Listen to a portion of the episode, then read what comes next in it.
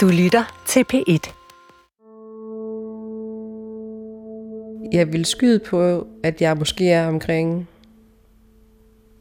7-8 år gammel, øhm, hvor vi boede lidt uden for den her by, og i et, i et ret stort hus.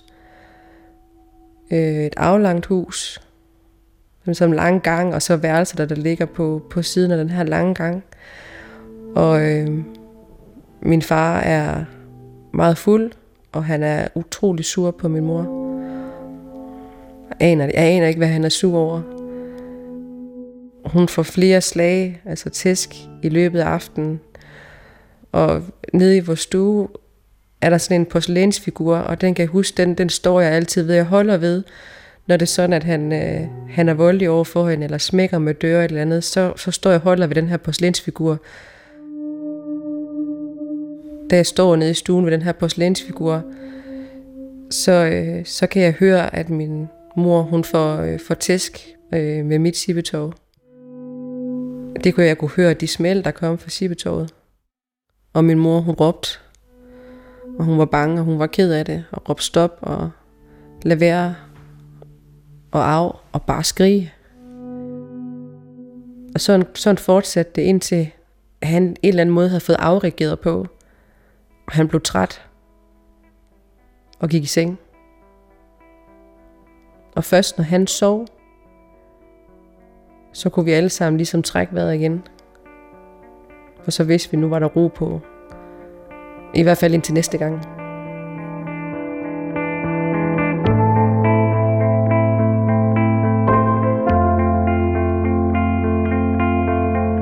Du lytter til Blodets Bånd. En fortælling om en families liv med en voldelig far. For snart 10 år siden brød Maja kontakten med sin far, da hun var midt i 20'erne. Maja var ellers en af de få, der havde kontakt til sin far, da han sad i fængsel. Nu vil hun forsøge at slutte fred med sin hårde opvækst og konfrontere sin far med den barndom, hun fik. Det her er afsnit 2. Volden er nu en fast del af hverdagen. Men der foregår noget i hjemmet, der kommer til at kaste endnu mørkere skygger over barndommen. Men det ved Maja ikke noget om på det her tidspunkt, hvor hun som 7-8-årig har fundet på sin helt egen strategi til at stoppe sin far i at slå hendes mor.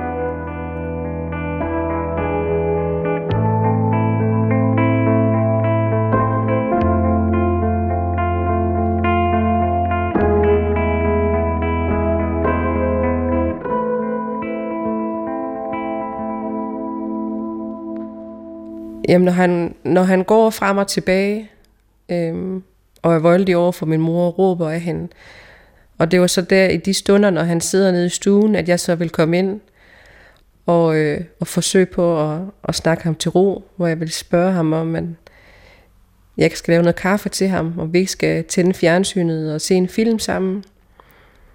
For jeg vidste, kunne jeg få ham overtalt ham til det, så vil han stoppe med at drikke, og han ville stoppe med at slå min mor, og så kunne du være ro resten af aftenen.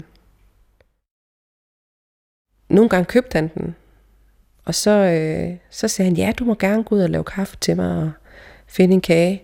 Og jeg vidste, hvis jeg kunne begynde at få kaffen i ham, så kunne jeg rydde alkoholen ud i køkkenet, og så var det kaffen, han gik over til. Og så vidste jeg, så var han også ved at falde til ro, hvis det var, han, han gik over til den her kaffe.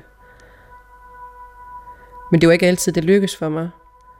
Men jeg forsøgte at få ham til at, at stoppe med at slå min mor. Jeg mindes ikke, at jeg går ind til hende.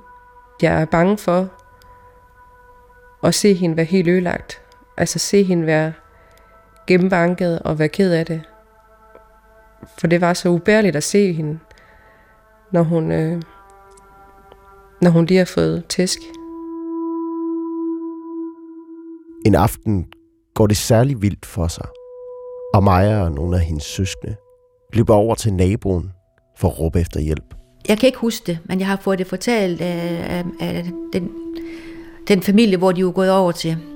Det var en, øh, en kollega, jeg havde, som boede næsten lige ved siden af os, hvor at øh, børnene var, hun siger, at børnene var kommet over til dem og har sagt, far slår, øh, vi er bange for, at far slår mor ihjel. Så, men jeg kan ikke, jeg kan ikke, selv, jeg, jeg kan ikke selv huske det. Og jeg tror faktisk, det var den aften der, hvor jeg også må, måske nok var bange for, om jeg det hele taget overlevede. Jeg tror faktisk, det er samme aften. Når jeg sådan begynder at, at, at kæde situationer lidt sammen, så uh, kunne jeg tænke mig, at det var den aften der, hvor det var, at de havde været gået derover. Men der foregår også noget i det skjulte, som Maja ikke ser. På det tidspunkt, vi, vi bor i huset her, hvor vi bor, min mig og min mor og far og mine to halvsøstre, der hvor hjemmet var præget af, af alkohol og vold, og det var en hverdag for os, og det var, det var hårdt at være i. Men hvad jeg ikke vidste var, at der jo også var andet under overfladen, at min far også misbrugte min, min ene halvsøster seksuelt. Øhm, var jeg jo ikke klar over. Så det er jo klart, at, at det var jo, hele situationen var jo langt mere tilspidset, end hvad jeg egentlig troede, den var. Ikke bare for mig, men specielt også for min halvsøster, som udover at have en stedfar, der slog sin mor, også blev misbrugt seksuelt af ham. Hvor gammel var du? Altså det du husker tilbage til, hvor det begyndte?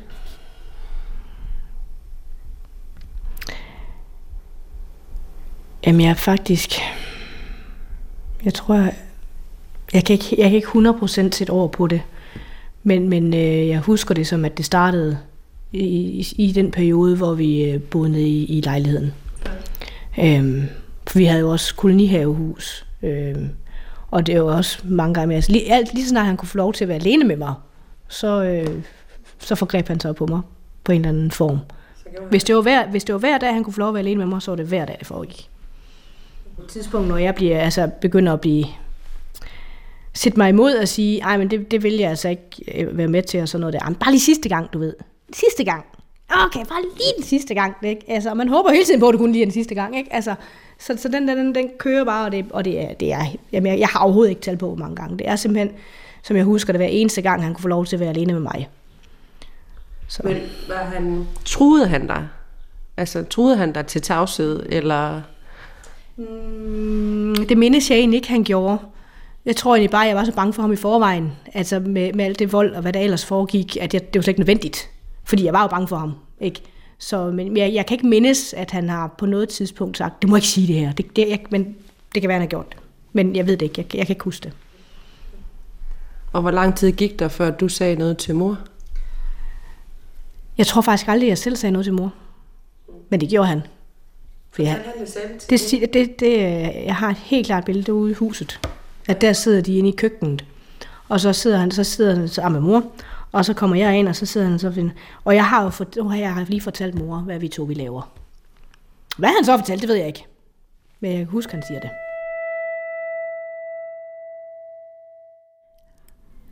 Det var forfærdeligt. Altså, jeg følte ikke, jeg slog til som mor. At jeg ikke kunne se det. At man simpelthen ikke havde opdaget, hvad der foregik bag min ryg. Det var forfærdeligt.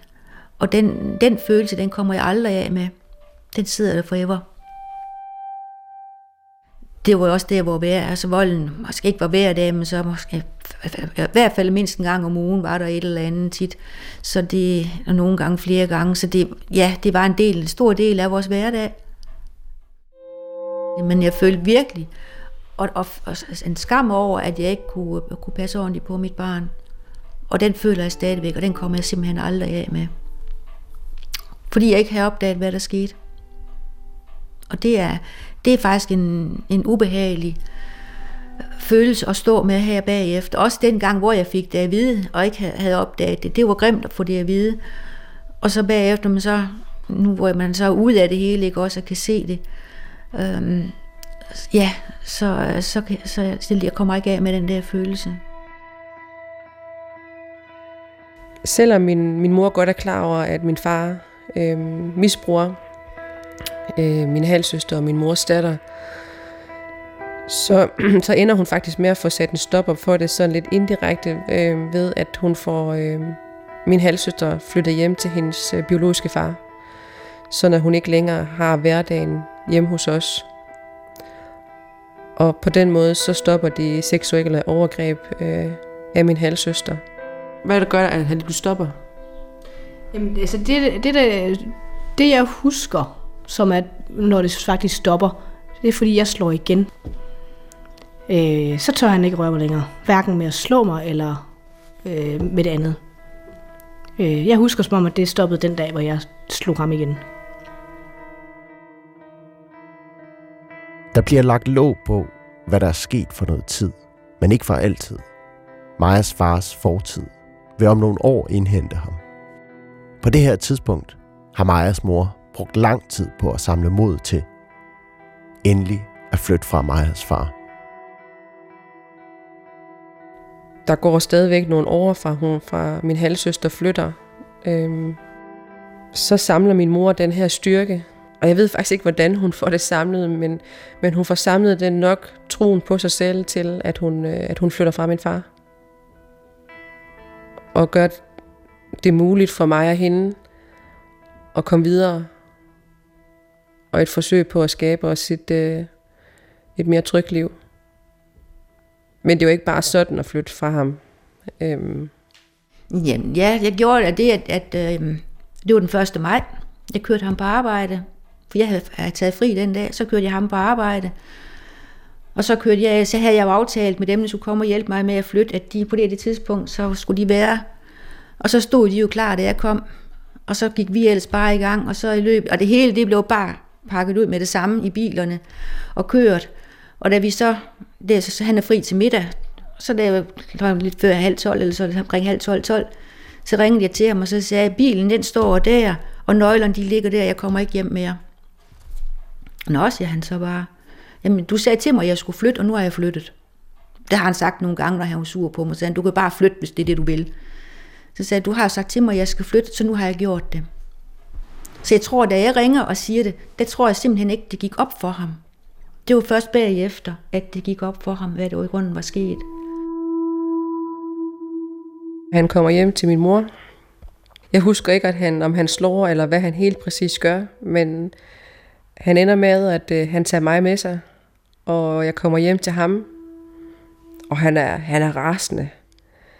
Øhm, jeg husker ikke, hvad vi snakker om, men jeg husker, at han på et tidspunkt siger til mig, at hvis jeg nogensinde vil se min mor igen, så skulle jeg sige, at jeg vil bo ved ham. Og jeg husker, at jeg, jeg bryder fuldstændig sammen i grådet i tanken om, at, at jeg synes jo, det var jo pest eller kolera, han stillede over for mig.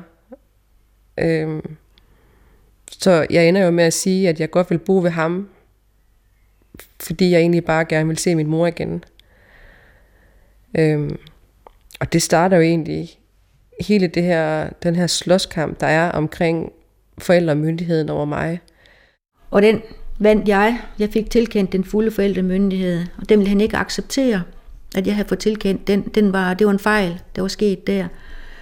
Og øhm, så skulle jeg ikke, så skulle det ikke komme op til mig, fordi det var en fejl, der var sket. Og det, det var i december måned, som jeg jo flyttede til maj måned. Det var så i december måned, det her det skete. Så der begyndte han ligesom at trappe den lidt op med, at det var altså en fejl, der var sket, så nu måtte han hellere beholde dig. Så det var fuld tid, jeg var hos ham. Jeg fik overhovedet ikke lov til at se dig, eller hvordan var det? Du, du kom hen til mig en gang imellem. I tiden efter han flytter fra min mor, var også stadigvæk meget, meget turbulent og meget, meget uforudsigeligt. Øhm, min far havde jo ikke kørekort, men han havde så fået sig en scooter, som han kørte på. Og så kom han kørende ind til byen i den. Og så holder han ude foran. Nogle gange så holdt han, øh, det var sådan et rækkehus, lille rødt rækkehus, vi boede i. Så kunne han holde på stien, så vi kunne se ham øh, inden for stuevinduet af. Eller så kom han direkte ind til hovedindgangen. Og ofte så kom han ind, og igen øh, skabte tumult. Øh, jeg husker ikke, at han slog hende på det her tidspunkt. Jeg husker bare, at han kom nærmest og, og, og ryttede hjemmet på en eller anden måde. Han kom og sagde, at den her, det er min ting, og den her, den skal du heller ikke have. Og så tog han bare tingene med sig igen. Øhm. Og det hænger måske ikke helt sammen med, at han kører på scooter. Det kan jo være, jeg ved ikke, jeg ved ikke helt, hvordan det hænger sammen. Jeg kan bare huske, at han kom og fik ryddet hjemmet igen og tog ting, nogle ting med sig. Øhm. Andre gange, så kom han bare for at hente mig. Selvom jeg var ved min mor, så kom han kørende på den her scooter. Og så turde hverken min mor eller jeg gøre andet, end jeg fulgte med. Selvom jeg på ingen måde havde lyst. Han kæmper for mig, og han får mig til at gøre en masse ting øh, for at forsøge på at få min mor til at stå mere i et dårligt lys. Han, øh, han beder mig blandt andet om, at når jeg er ude at handle med min mor, så skal jeg stikke af fra hende. Så jeg husker, at jeg var nede i en af byens butikker. Og så skulle du så skulle du stikke af fra mig, for at du ligesom skulle bevise, at øh, du ville ikke være ved mig. Det var derfor, du var rent. Og jeg havde det bare virkelig, virkelig skidt. For jeg havde jo på ingen måde lyst til at flygte fra min mor. Men jeg turde ikke at gøre andet. Jeg er bange for ham. Jeg er bange for, hvad han kan finde på at gøre over for min mor. Øhm, og til dels også over for mig. Ikke fordi jeg var bange for, at han var, skulle være voldelig over for mig, men han var bare så utilregnelig. Jeg vidste ikke, hvad hans næste skridt eller næste tanke den var. Øhm, så altså alt, hvad han gjorde, eller alt, hvad han sagde, jeg skulle gøre, det gjorde jeg. Fordi jeg vidste ikke, hvad han kunne finde på, hvis jeg ikke gjorde. Så jeg tænkte ikke, jeg vidste jo godt, det han havde, ville have mig til at gøre, og de ting, han bad mig om, at det var jo forkert. Men jeg satte ikke spørgsmålstegn ved det. Jeg gjorde det bare. I ren frygt. Se, hvis jeg sidder på bagsædet, og så, så, så tror jeg, det er nemt for mig at fange begge jeres stemmer. Maja og hendes mor vil godt ud og se det hus, de boede i dengang. Huset med den aflange gang. Der hvor hun knudede porcelænsfiguren ind til sig, når hendes far slog. Huset ligger ikke langt fra, hvor hendes mor bor i dag. En kort tur ned gennem hovedgaden. Ned forbi etagebyggeriet, hvor Majas far flytter ind, da hendes mor endelig finder kræfter nok til at flytte. Det var faktisk der, han flyttede hen, øh, efter han blev skilt fra min mor. Og så ud på den anden side af byen.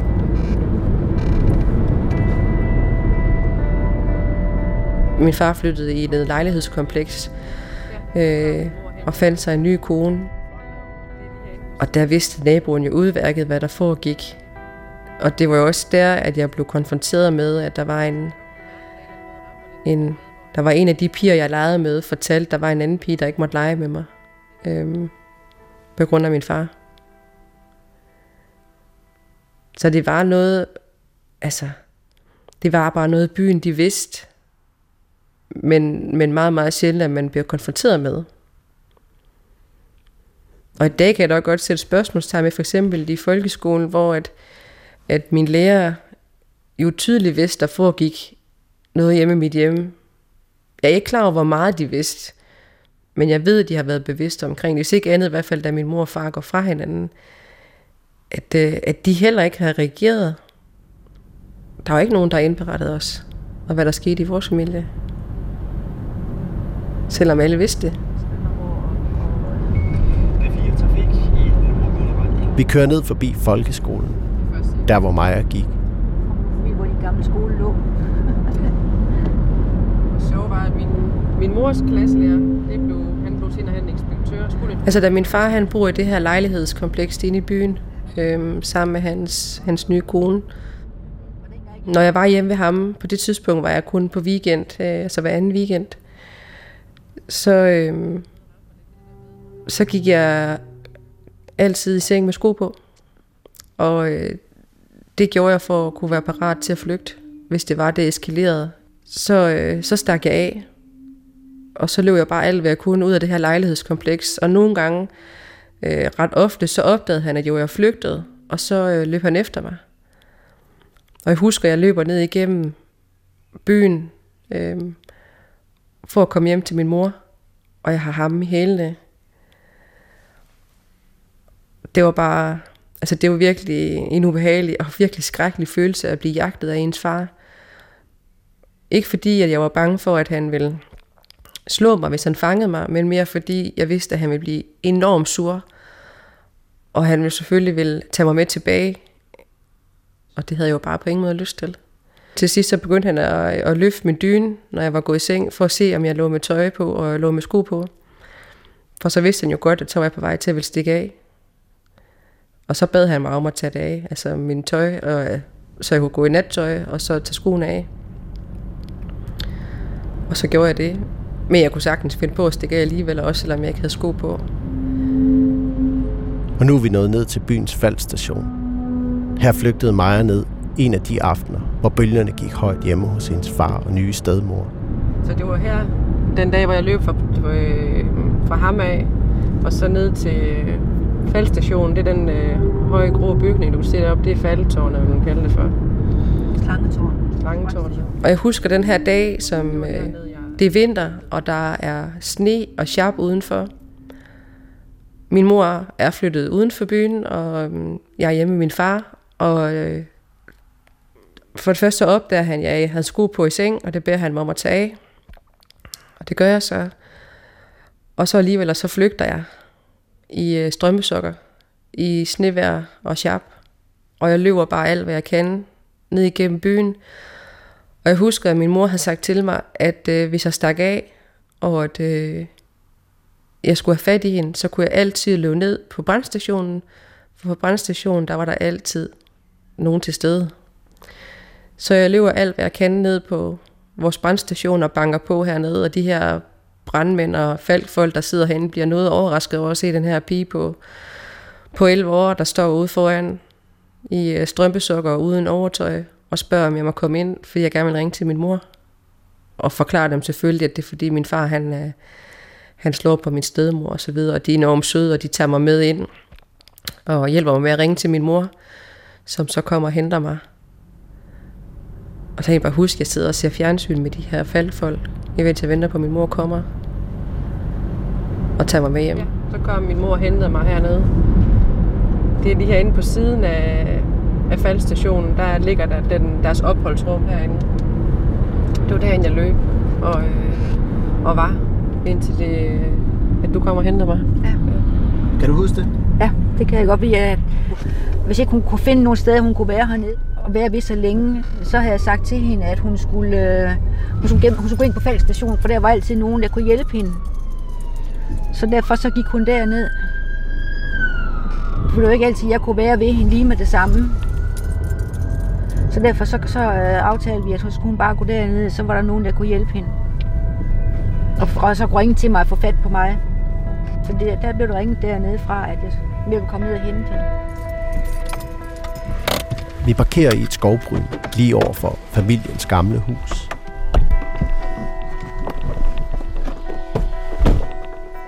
Haven er vokset godt til. Men det er da sjovt at se. Altså når du siger, at de her de var sådan små stiklinger, der er sat de der hække der, ikke? At nu er de bare vokset sig meget, meget store. Det er altså noget, der vi plantede dem i sin tid, ikke? Og træerne i skoven er skudt i vejret. Det her nede af, det var, det var slet ikke sådan nogle store træer. Der kunne man se ud på marken her. Ja. ja. Men når du, når du så altså, er gået fra hjemmet om aftenen eller om natten, er du så gået den vej der? Ja, det er jeg. Og så gik jeg ned igennem skoven, og så, og så fortsat ind til byen.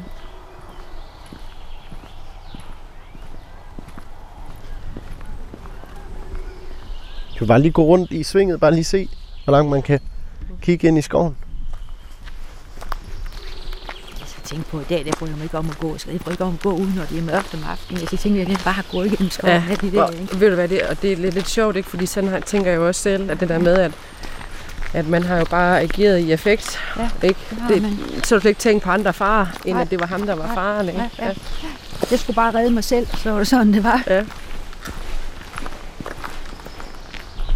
Så er du gået i rask krav dernede af? Ja, jeg. Hvad tænker I, når I står her? Er tilbage? Jeg tænker, jeg står og nyder udsigten.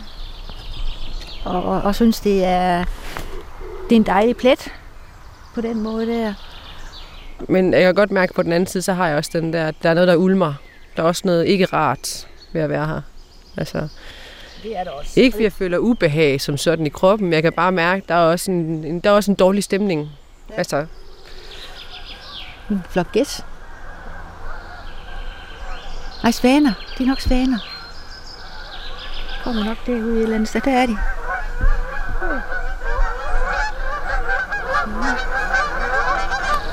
Det er sjældent at se så mange på én gang.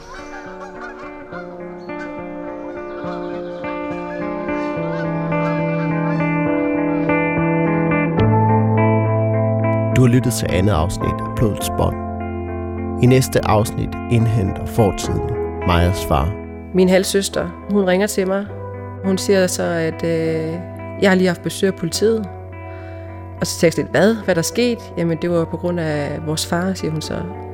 De, øh, han er blevet anklaget for at have begået seksuelle overgreb. Fordi jeg kan huske lige så tydeligt, du ringer til mig grædende og siger, åh, min far blevet meldt for sådan og sådan. Og så siger jeg bare, ja, det er også fint nok, for han har rent faktisk gjort det. Det er på avisernes forside, og alle i byen ved, hvad der er foregået. Der husker jeg om morgenen, jeg skulle øh, ned til toget, og med toget ind til gymnasiet. Og da jeg kommer ned på perronen, øh, der er spisesedlen, øh, og der hænger min far. Altså, det var bare et billede af min fars ansigt.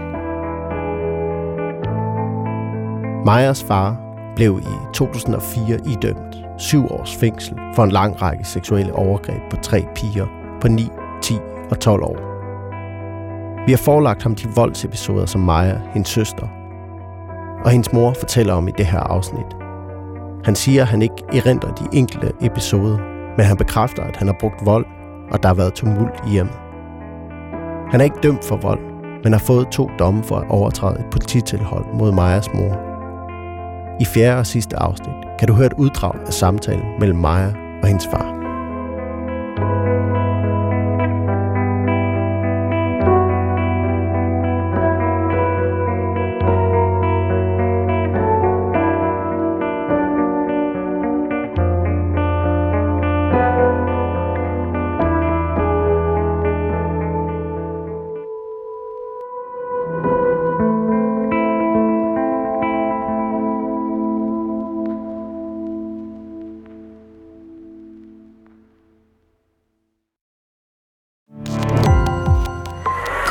Opdagelse i alle DR's podcast og radioprogrammer. I appen DR Lyd.